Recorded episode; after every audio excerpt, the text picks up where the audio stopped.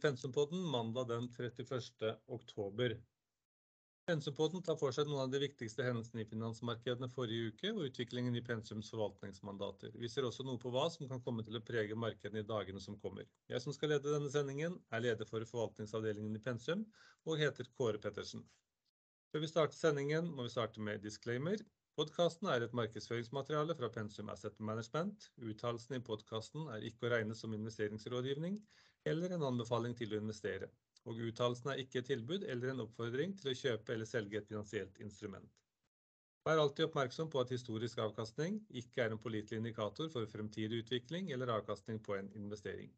Søk råd hos profesjonelle rådgivere omkring juridiske, skattemessige, finansielle eller andre forhold før du foretar en investering. Det har jo vært en begivenhetsrik både uke og helg vi har lagt bak oss, og vi skal innom flere av temaene i vår ukentlige investeringskommentar. Vi skal snakke litt om rentemøtet som var i forrige uke og rentemøter som kommer denne uken her. Det har vært et valg i løpet av helgen i Brasil, og vi får jo om ikke lenge, ikke kommende uke, men om åtte dager et mellomvalg i USA. Og så har det jo vært helt klart en sterk oktober måned vi har lagt bak oss, som vi skal komme litt inn på, både i forhold til oktober som helhet når en dag gjenstår og sist uke. Da tenker jeg at jeg begynner med å gi ordet til Trond Omdal, som tar oss gjennom ukens kommentar. Vær så god, Trond! Skal Kåre. Oslo Børs steg 2,9% siste uke, rapporteringssesongen har preget markedene både i Norge og internasjonalt. Både i Norge og USA og Europa så har energiaksjene hatt en fin utvikling, der blant annet både Equinor og ExxonMobil rapporterte de høyeste kvartalsresultatene i historien, og en økning i utbytter og tilbakekjøp av aksjer. Equinor rapporterte et driftsresultat på over $24 milliarder, dollar, altså nesten 250 milliarder kroner. Det var vel bare, det var høyere enn til og med Apple sitt, og er det nest høyeste. Det er bare Saudi Amco denne uken som forventes å ha et høyere kvartalsresultat før skatt. Begge selskapene og flere av de andre energiselskapene økte utbyttene, og tilbakekjøp. Equinor er nå oppe i 50 kroner i utbytte og tilbakekjøp for 2022. På den andre siden av skalaen så har teknologisektoren vært preget av store fall på resultatdagen for selskaper som Meta, som er eieren av Facebook, Microsoft, Amazon og Alphabet, som jo eier Google. Markedsverdien for disse fire selskapene falt med til sammen 3,600 milliarder kroner siste uke. Av de aller største teknologiselskapene er det nesten bare Apple som kom seg uskadd gjennom forrige uke, etter at Apple Action steg betydelig på fredag, etter at de rapporterte noe bedre resultater enn ventet. Men selv om energisektoren var veldig sterk på Oslo Børs, så var faktisk sjømatsektoren den aller beste delindeksen etter at finansminister Vedum kom med visse innrømmelser om grunnrentebeskatningen, som gir håp om at endelig skatteløsning blir noe bedre enn det som ble lagt frem i slutten av september. De svakeste sektorene på Oslo Børs var egenkapitalbevisene og shipping. Men til tross for fallet i teknologiaksjer, så steg S&P 500 i USA med 3,9 Og I tillegg til energiaksjer så var også industriaksjer sterke. Og Exxon Mobil, som rapporterte på fredag, steg til ny all time high.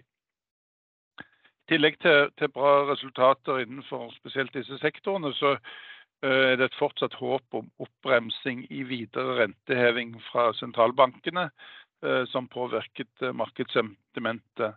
Blant annet etter at Kanadas sentralbank i forrige uke overraskende hevet styringsrenten med bare 0,5% i forrige uke, mot en forventning om 0,75%.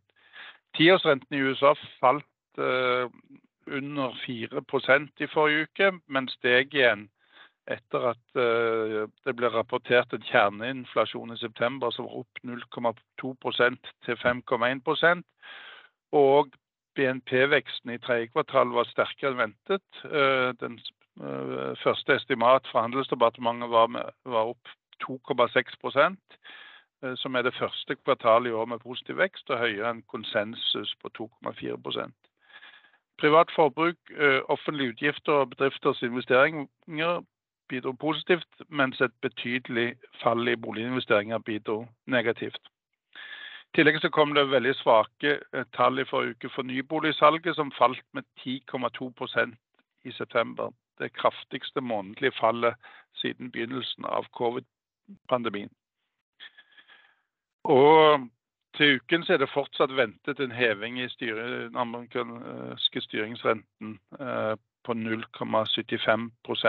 til 4,0% på rentemøtet 2. oktober. Også i Europa så hadde en sterk uke markedene, til tross for at den europeiske sentralbanken så forventet hevet styringsrenten med 0,75% til 1,5% som er det høyeste nivået siden 2009. Stocks Europe 600 steg med 3,7 DAX-indeksen i Tyskland med 4,0 CAC 40 i Frankrike var opp 3,9 Italias Futsi eh, MIB-indeks steg med 4,5 eh, Futsi 100-indeksen i Storbritannia var opp 1,2 etter at Rishi Sunak ble valgt som statsminister og leder av det konservative partiet i Storbritannia på mandag. S&P Globals innkjøpsindeks for Storbritannia falt i oktober til 47,2, det laveste nivået på 21 måneder, ned fra 49,1 i september og tredje måned på rad som signaliserer negativ vekst, som jo indikerer at UK er på vei inn i resesjon. Tysklands BNP steg overraskende med 0,3% i tredje kvartal, som var opp fra en vekst på 0,1 i andre kvartal. Mens i Frankrike så bremset veksten, BNP-veksten til 0,2% i tredje kvartal mot 0,5 i andre kvartal, og Spania bremset enda kraftigere til 0,2% i tredje kvartal, ned fra 1,5% i andre kvartal. PMI for oktober i eurosonen falt til 47,1, det laveste nivået på 23 måneder, som også indikerer eh, på vei inn i resesjon. I Kina så falt Shanghai Composite-indeksen med hele 4% etter at det tre dager på rad ble rapportert over 1000 nye covid-tilfeller nasjonalt og nye covid-nedstengninger av byer. I tillegg til at Equinor hadde en sterk uke, opp 4,9%. De sterkeste på OBX var Norwegian, som var opp 11,2%, AutoStore opp 10,8% og Vår Energi pluss 8,2%, og sistnevnte hevet utbytte. Svakest var Orkla med minus 9,2% og shippingaksjene Golden Ocean minus 5,5% og MPC Container minus 4,6%. Da tenker jeg gir ordet tilbake til deg, Kåre. Takk skal du ha, Trond. Det var en fin gjennomgang av det som skjedde sist uke. Vi kan jo bare supplere med litt sånn tilleggsinformasjon om ulike temaer. Vi er jo, som Trond nevnte, gått inn i resultatsesongen, og den har jo så absolutt preget børsene de siste dagene, og heldigvis på en stort sett en positiv måte. I USA, som er det markedet vi følger mest, det på, det utgjør godt over 60% av verdens aksjemarkeder, så er vi nå godt og vel halvveis i resultatsesongen. Cirka 52% av selskapene har nå rapportert for Q3, og gjennomgående så er det brukbare tall. Vi ser at akkumulert så er det en inntjeningsvekst på 2,2% i Q3. Men det er jo ingen tvil om at energi har en stor betydning for den oppgangen, og tar man bort energi, som alene står for en inntjeningsvekst på 134%, Dog er det jo en relativt sett liten sektor, men 134% inntjeningsvekst. Tar vi bort denne, så er vi på 5,5% i inntjeningsfall. Det er helt klart at inntektsveksten bredt har begynt å falle. Så det er jo noe vi naturlig ser litt inn i nedgangen. Det som har vært bra i tredje kvartal, og som har gjort det bedre enn hva vi forventet, det er energi, men det er også helse.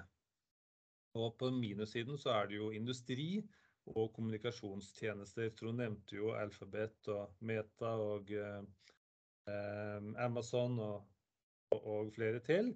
Og På industri så er det selskaper som Boeing og General Electric eksempelvis da, som har skuffet mest. Så Vi er litt opp på inntjeningen, men da ikke justert for energi. Ser vi på prisingen av markedet nå, så er det på 16,3 ganger forventet inntjening kommende 12 måneder for S&P 500, og det er fortsatt litt under snittet både for siste fem år, som har vært på 18,5 og 10 år på 17,1 Så Snakket vi litt om rentemøter, og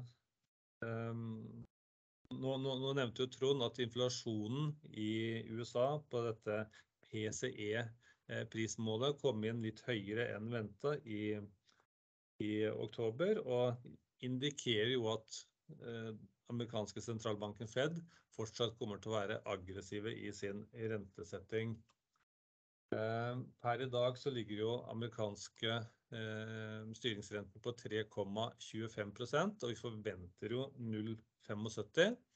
Da er vi oppe på 4%. Sist gang, etter forrige møte, så så vi at den såkalte Fed Dot Plot, som viser da de ulike medlemmene i sentralbankens rentesettingskomité, spådde jo da i snitt en opp på 4,6%, så vi vil fortsatt være 0,6 under det. Men vi ser at med den sterke inflasjonen, så er det flere som nå, som nå spår i markedet at man kommer til å nå en styringsrente på 5%. Dog så ser vi ganske klare tegn allerede til at særlig arbeidsmarkedet begynner å roe seg ned. Vi ser annet på disse JOLS-tallene, altså antallet ledige stillinger, som nå er ganske kraftig på vei ned for tiden. Men vi forventer altså 0,75 på onsdag fra USA. Og så er det jo på torsdag, så er det jo Norges Bank.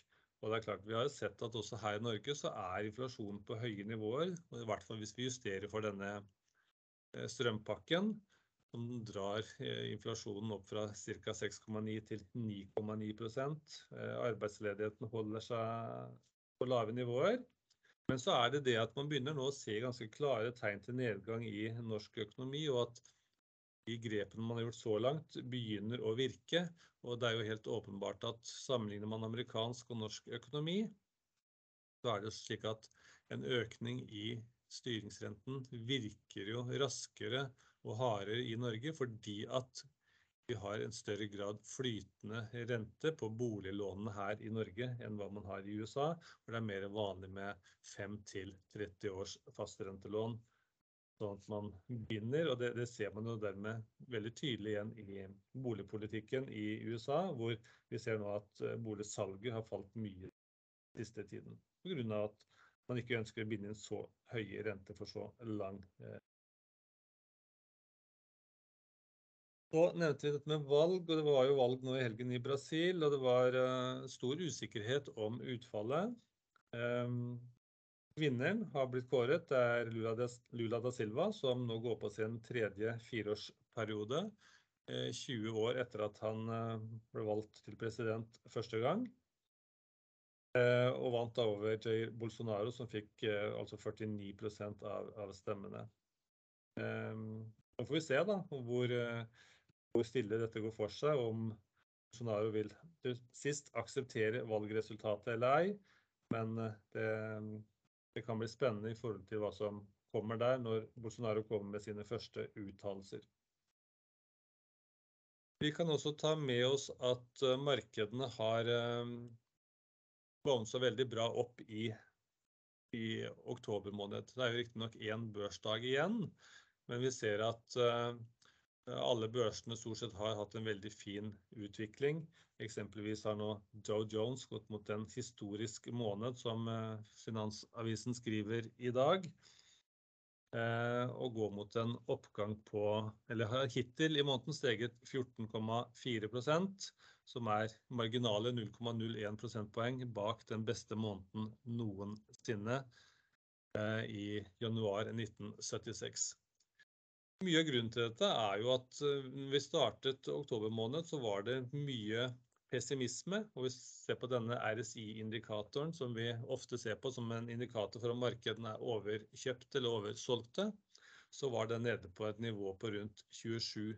Vi sier jo at nivåer under 30 er kraftig oversolgte markeder, og nivåer over 70 er kraftig overkjøpte markeder. Så med den oppgangen som har vært nå i oktober måned, så har vi kommet opp på et nivå på ca. 60, og da er vi på litt over nøytralt territorium. Vi nærmer oss ikke overkjøpte markeder enda, men det er ikke slik at markedspessimismen er der i samme grad lenger.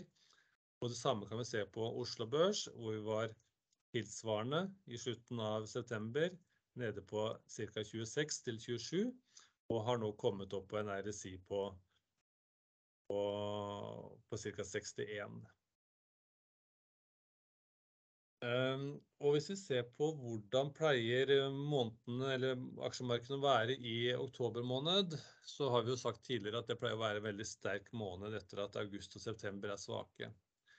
På Oslo Børs er vi nå opp 5,6% så langt, og på amerikanske S&P 500, det er den vi følger aller mest i USA, så er det nå 8,8% oppgang.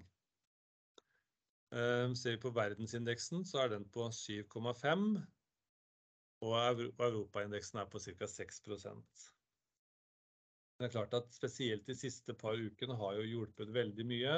Eksempelvis er verdensindeksen de to siste ukene nå på henholdsvis 3,5% og 3,1%, så det har jo dratt veldig mye av markedene den siste tiden, nå mens resultatsesongen har stått på som aller mest.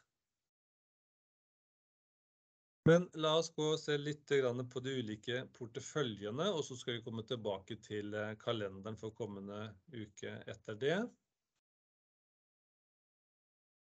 Vi kan bare gjenta noen tall da. Oslo Børs var altså, som Trond sa, opp 2,9% siste uke, og da er cirka halvparten av årets børsfall borte. Vi er nå på en nedgang på 3,1% siden nyttår. USA steg 3,9%, og Europa steg 3,6%, og verdensindeksen steg 3,5%, verdensindeksen er da ned 20,9% målt i dollar. Målt i norske kroner så steg indeksen ca. 1% siste uke, og er nå ned 7,3% siden nyttår. Det mest spesielle kanskje siste uke som vi observerte, var jo den voldsomt store forskjellen mellom det vi kaller for developed markets, altså de velutviklede markedene, og emerging markets, vekstmarkedene. Mens verdensindeksen totalt steg 3,5% målt i dollar, så var da vekstmarkedene ned 2,2%. Altså en differanse på en uke på 5,7%. Og mye av forklaringen ligger nok i skuffelsen etter partikongressen i Kina, og vi ser at denne innenlandsindeksen i Kina, CSI 300, den falt da 5,4%. Enda verre gikk det jo for denne Hang Seng-indeksen, som også har da mer globale selskaper.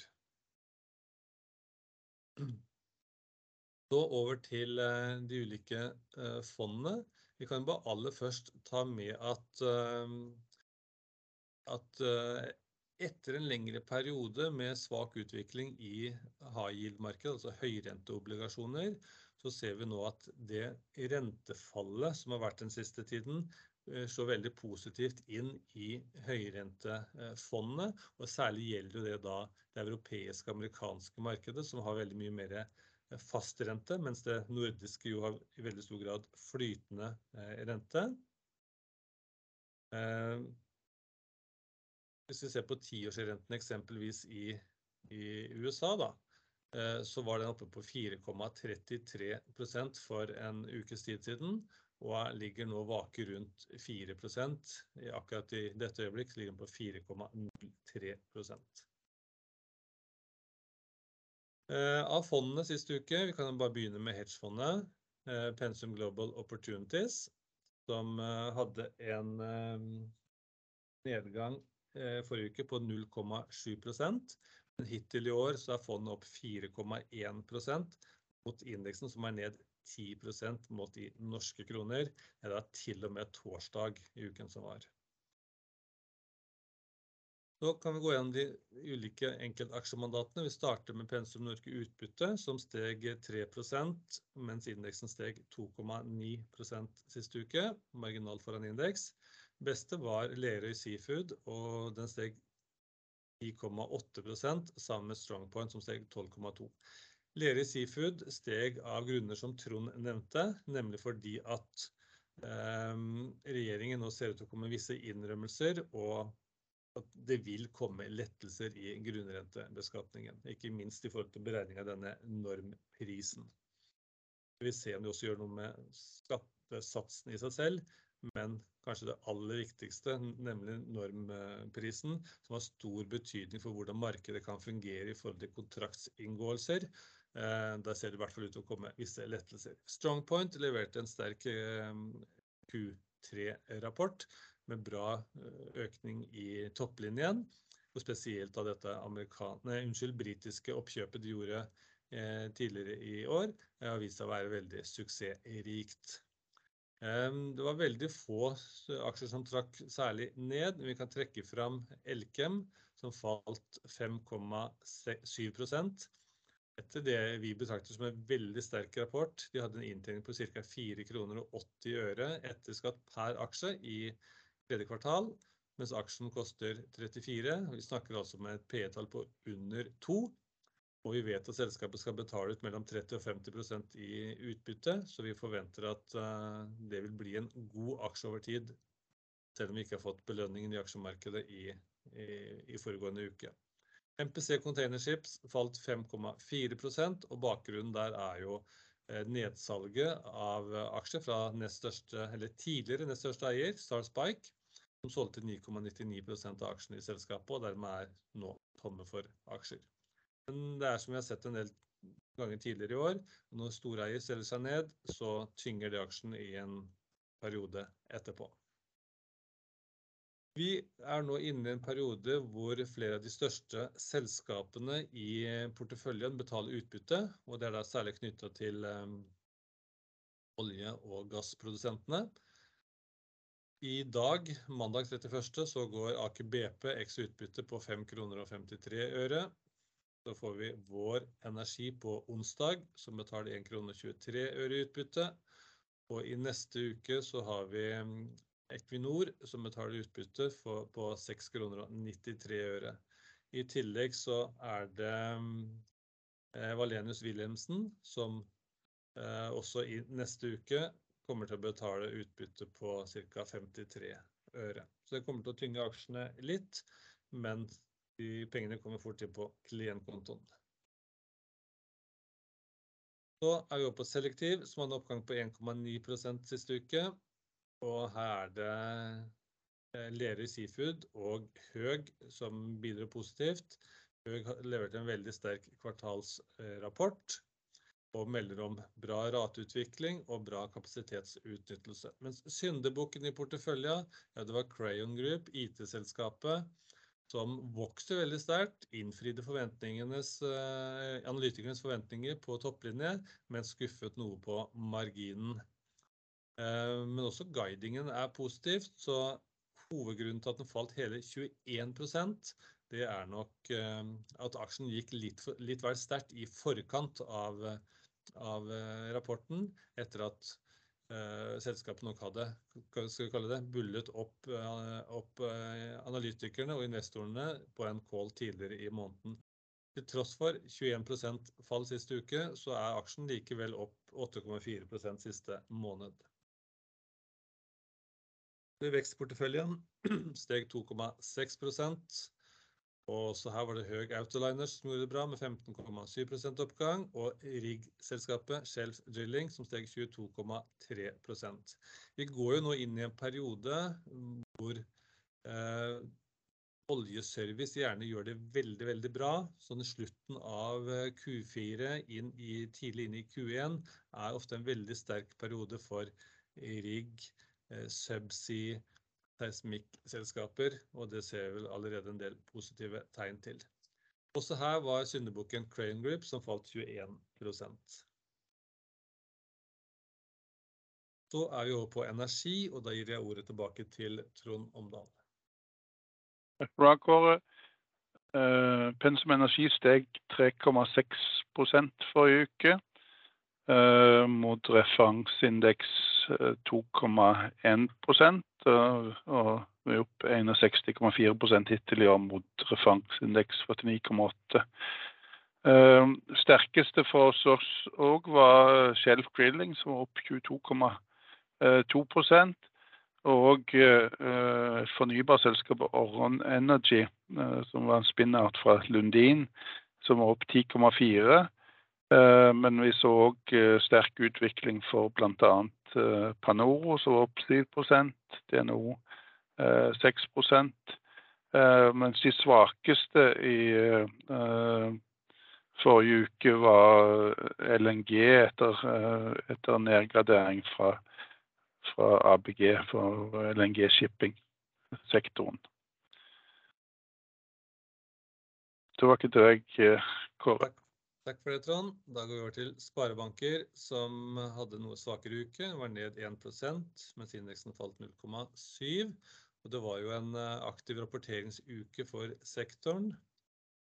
Eh, stort sett ganske bra for de fleste bankene, eh, rapportene. Fortsatt ikke noe utlånstap å melde om. Vi ser jo at det er en viss kostnadsinflasjon da, som preger en del av, av disse selskapene. Eh, svakest var Midt-Norge, som falt 2,9% som også er følgens største posisjon. Og SR Bank, som ofte utvikler seg veldig likt som Midt-Norge, hadde fall på 2,8% Lyspunktet det var eh, DNB som steg litt over 3% og Helgeland som steg 2,8 Sjømat opp 6,9 Nå har vi sagt uh, flere ganger grunnen til det. Uh, er opp 6,2 um, Det vi kan ta med oss, er vel kanskje i første rekke at uh, prisene på laks har vært noe ned siste uken. Vi ser at de aller største laksene går for eh, over 70 kroner kiloen, mens de minste nå går for lavt 60-tall. Og det er klart at Vi er jo normalt inne i det som er en god periode for prisene på, på oppdrettslaks, men vi mistenker at innføring av den nye lakseskatten, eller grunnrenteskatten, er forklaringen. Rett og slett fordi at for oppdretterne så er det bedre å slakte fisken i år, selge den og få 22% skatt, enn å vente til januar og få 62% skatt. Og det tror vi vil kunne tynge eh, prisutviklingen nå fram mot nyttår. Og så vil det være mindre eh, laks tilgjengelig for slakting når vi kommer over nyttår. Og dermed at vi kan få mye av den samme effekten til neste år som det vi hadde i første halvår i, i 2022. Med det så har vi kommet gjennom eh, aksjeporteføljene. Så skal vi over til eh, kalenderen. Og da gir jeg ordet tilbake til eh, Trond, som tar oss gjennom de viktigste hendelsene denne uka her, utover rentemøtene som vi allerede har snakka litt om. Vær så god, Trond. Vær så god, Kåre. I, i, dag så kom PMI-tall for oktober, og de var øh, falt under øh, 50. I tillegg får vi inflasjonstall i eurosonen for oktober og BNP tredje kvartal. Så får vi to innkjøpsindekser, delindekser, senere i dag. Chicago PMI og, Dallas Fed-indeks. Eh, I morgen så får vi PMI-industri fra en rekke land. Japan eh, for oktober. Eh, Japan og Kina får du KEK sin PMI-industri. Norge, for, uh, Norge, Storbritannia og USA får vi PMI-industritall for, for, industrien for oktober. Uh, I USA så får du òg Red Book, uh, detaljhandel og, og, boliginvesteringer. Og så er det nyvalg i Danmark også i morgen. På onsdag så er det foran PMI fra industri i, i eurosonen for oktober. Og I USA så er det jo i uh, tillegg til de ukenlige oljelagertallene selvfølgelig rentebeslutningen og pressekonferansen med sentralbanksjef Powell som kommer klokken åtte på, uh, på uh, norsk tid. På torsdag så har du rentebeslutning og pressekonferanse med Ida Woldenbakke, sentralbanksjefen. Så har du òg rentebeslutning i UK. Så kommer arbeidsledighetstall fra eurosonen og USA handelsbalansen for september. Og på fredag så kommer det viktige eh, arbeidsmarkedsrapporten, såkalt en eh, non-farm payroll, kommer klokken halv tre. I tillegg til de ukentlige riggdataene fra Baker Hughes på ettermiddagen. Tilbake til deg, Kåre. Takk for det. Ehm, da har vi kommet gjennom ukens ehm, pensumpodden. Takker for deltakelsen, så håper jeg vi høres igjen om en uke. Takk for i dag.